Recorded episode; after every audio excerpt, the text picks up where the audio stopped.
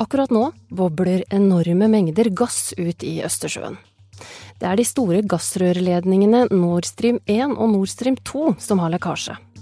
Og de her gassrørledningene er viktige fordi de egentlig skal frakte gass mellom Russland og Tyskland, og med det Europa. Og nå er det altså lekkasje fra tre steder på disse gassrørledningene. Vi vet ikke akkurat hvor mye gass det er snakk om, bare at det er store mengder. Greenpeace sier f.eks. at gasslekkasjene tilsvarer åtte måneders dansk CO2-utslipp. Og det tok bare noen få timer før både eksperter og statsledere begynte å peke på at dette ikke var noe som kunne ha skjedd av seg selv. Um, og Derfor øh, er det svært å forestille seg at det skulle være tilfeldig, det der foregår. Men det er for tidlig å komme. There are initial reports indicating that uh, this may be the result of an attack or some kind of sabotage, but at dette troligen rör seg om en medveten handling. Det er altså trolig en fråga om et sabotasje. Det spesielle her er jo at like før lekkasjene så registrerte målestasjoner store undervannseksplosjoner i området. Og en av de var så kraftig at det kjentes ut som et jordskjelv. Det nesten alle er blitt mer eller mindre enige om, er at det her mest sannsynlig er sabotasje. underwater blast looks like. And so in this case, there's no doubt this is not an earthquake. This is a blast that has been occurring in the water column or close to the bottom. Men fra hvem? Og hva betyr det for vår sikkerhet? Dette er kort forklart fra Aftenposten, og jeg heter Hanne Marie Maugesten. Andreas Slettholm, kommentator her i Aftenposten. Helt først, hvorfor er den gasslekkasjen her så viktig? Altså Gassrørene i Østersjøen er jo viktig infrastruktur for Europa i utgangspunktet.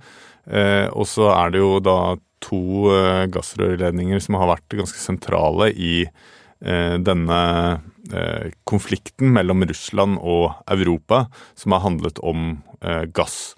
Eh, Og når eh, man da får eh, ødeleggelser på begge disse gassledningene i løpet av kort tid, så er det klart at det skaper stor usikkerhet i, i hele Europa. Ja, hvorfor er gass så viktig akkurat nå? Gass er jo eh, en veldig viktig energikilde eh, for eh, elektrisitet, oppvarming, alt mulig som europeerne bruker, bruker gass til.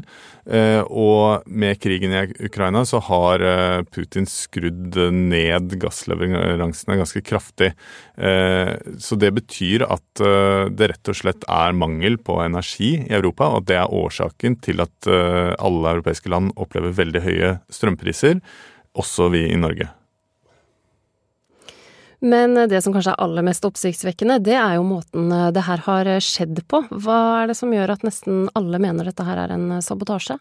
Ja, det er jo utover dagen på tirsdag så ble det jo klart at uh, seismologer, altså de som undersøker jordskjelv, har eh, sett eh, rystelser. Det ble klart at det, var snakk om eksplosjoner i nærheten av, eh, av gassledningene. Eh, og det er i tillegg ganske utenkelig at man skulle hatt eh, uhell på begge gassledningene tre steder nesten ved siden av hverandre. Sånn at eh, utover dagen på tirsdag så var det i hvert fall eh, ingen eksperter som mente noe annet enn at dette var en bevisst eller villet handling av noe slag. Vet vi noe om hvem det er som kan ha stått bak? Nei, vi vet jo ikke. Det er jo helt uh, umulig å si sikkert uten at, uh, uten at noen påtar seg ansvaret.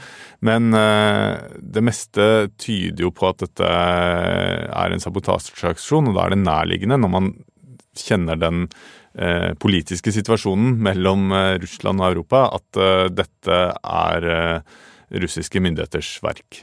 Men det her er jo ledninger som sender russisk gass til Europa, og for utenforstående så kan det jo virke litt ulogisk at Russland skal ha gjort dette selv. Altså hva ønsker de å, å få til ved å ødelegge sine egne ledninger, da? Hva kan Russland tjene på det? De skaper usikkerhet i Europa, og det er en slags trussel mot at Russland eller om at Russland kan komme til å gjøre noe lignende mot uh, viktigere infrastruktur. Fordi vi skal jo huske på at disse to gassrørledningene de er ikke i drift nå, og de er, eh, kommer kanskje aldri til å bli det heller. Fordi uh, på, på en, etter en eventuell avslutning av Ukraina-krigen så er det ganske utenkelig å se for seg at, uh, at russisk og europeiske handelsforbindelser skal gjenopptas som vanlig. så Sånn sett så er det jo velegnet for en type sånn ja, det som kan se ut som en sånn falsk flaggoperasjon, altså hvor man eh, angriper sine egne ressurser. Ja, Når du sier eh, falsk flaggoperasjoner, hva er det egentlig du mener med det i dette tilfellet? Ja, Det er ganske typisk for russiske angrep at de alltid er litt sånn hemmelige og litt, kanskje litt sånn uh, vanskelig å forstå. De vil alltid benekte at de driver denne formen for det man kaller hybrid krigføring. Eh, men samtidig så kan de etterlater seg på en måte spor, eller de gjør lite for å, for å motvirke inntrykket av at dette kan være russerne. sånn at det spiller jo inn da eh, i en sånn eh, at de, de, spiller på den usikkerheten som den type angrep skaper. Og da kan de også være villige til å ofre egen infrastruktur, eh, selv om det også er andre eiere av i hvert fall den ene av disse eh, gassrørledningene. Disse gassledningene de var jo ikke aktive. altså Gassen gjennom Nord Stream 1 ble stengt av Russland i sommer, og Nord Stream 2 ble aldri åpna. Og det har jo gjort at Norge nå er Europas viktigste leverandør av gass. Og dersom det her er en sabotasje, hva betyr det for oss da?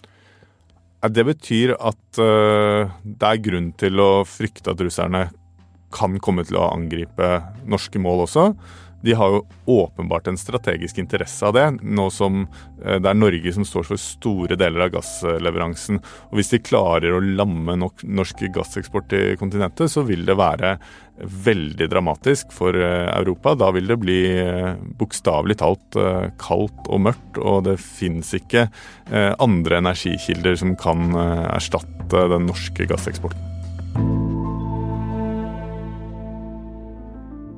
Du hørte Andreas Slettholm gi deg en kort oppdatering om gasslekkasjen i Østersjøen. Og vi i Forklart vi kommer tilbake med mer om dette ganske snart. Lyden du har hørt er fra nyhetsbyrået AP. Og denne episoden er laga av produsent Anders Weberg og meg, Hanne Marie Maugesten.